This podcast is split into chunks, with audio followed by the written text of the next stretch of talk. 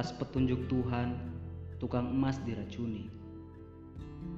Tabib membunuh lelaki tukang emas itu bukan dengan maksud buruk dan kekhawatiran tertentu. Dia membunuhnya bukan sekedar untuk menyenangkan hati raja, pun bukan sebelum perintah Tuhan dan ilham turun kepadanya. Seperti Nabi Hidir membunuh anak kecil, orang awam tidak akan memahami rahasia pelik itu. Dia yang menerima ilham dari Tuhan dan doanya telah dijawab. Perintah apa pun yang ia terima adalah inti kebenaran.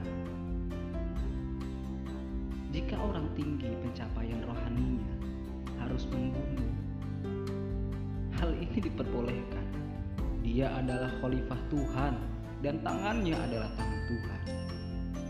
Berlakulah seperti Nabi Ismail. Taruhlah nyawamu di hadapannya. Dengan riang dan tertawa, berikan nyawamu kepada hunusan padang Ibrahim. Dengan demikian, jiwamu akan senantiasa tertawa riang dalam keabadian bagaikan jiwa murni Muhammad di sisi Tuhan Yang Maha Esa. Cinta mengalirkan cawan keringangan sesaat ketika kekasihnya yang molek membunuhnya Raja menumpahkan darah bukan karena dorongan hawa nafsu. Jangan buruk-buruk sangka dan saling membantah. Kau mengira bahwa ia telah melakukan kejahatan yang bodoh. Namun sesungguhnya lihatlah bagaimana uap harus meninggalkan bahan kasar Tujuan kepiawaian dan pengorbanan kasar ini ialah agar supaya tungkuk bisa menyaring karat logam dari perak.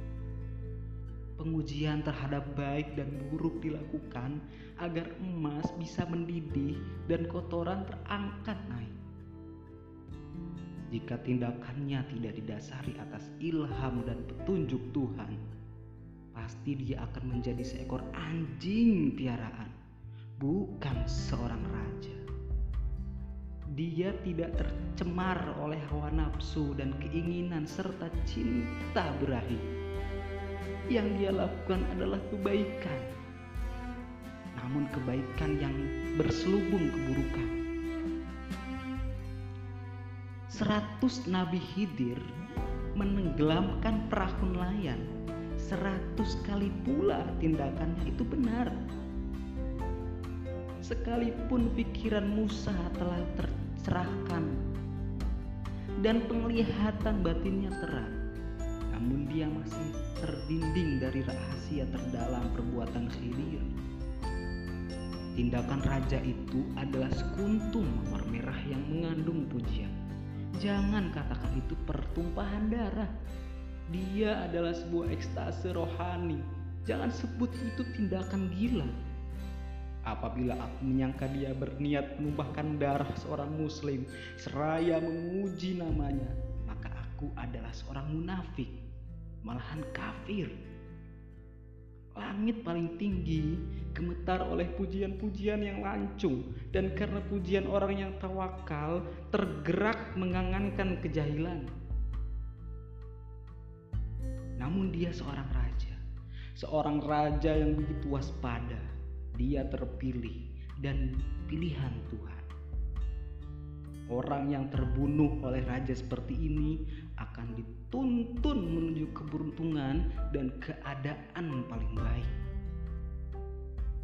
Jika sang raja melihat keuntungan pada diri tukang emas sebelum membunuhnya, maka mungkin yang maha pengasih menuntunnya agar melakukan tindakan itu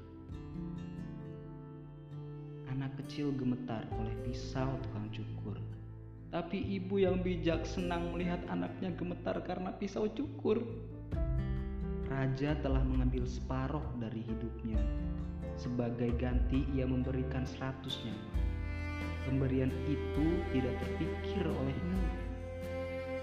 Kau menilai sesuatu perbuatan dari sudut pandangmu sendiri sehingga kau terjerumus dan membuatmu semakin jauh dari tempat kebenaran.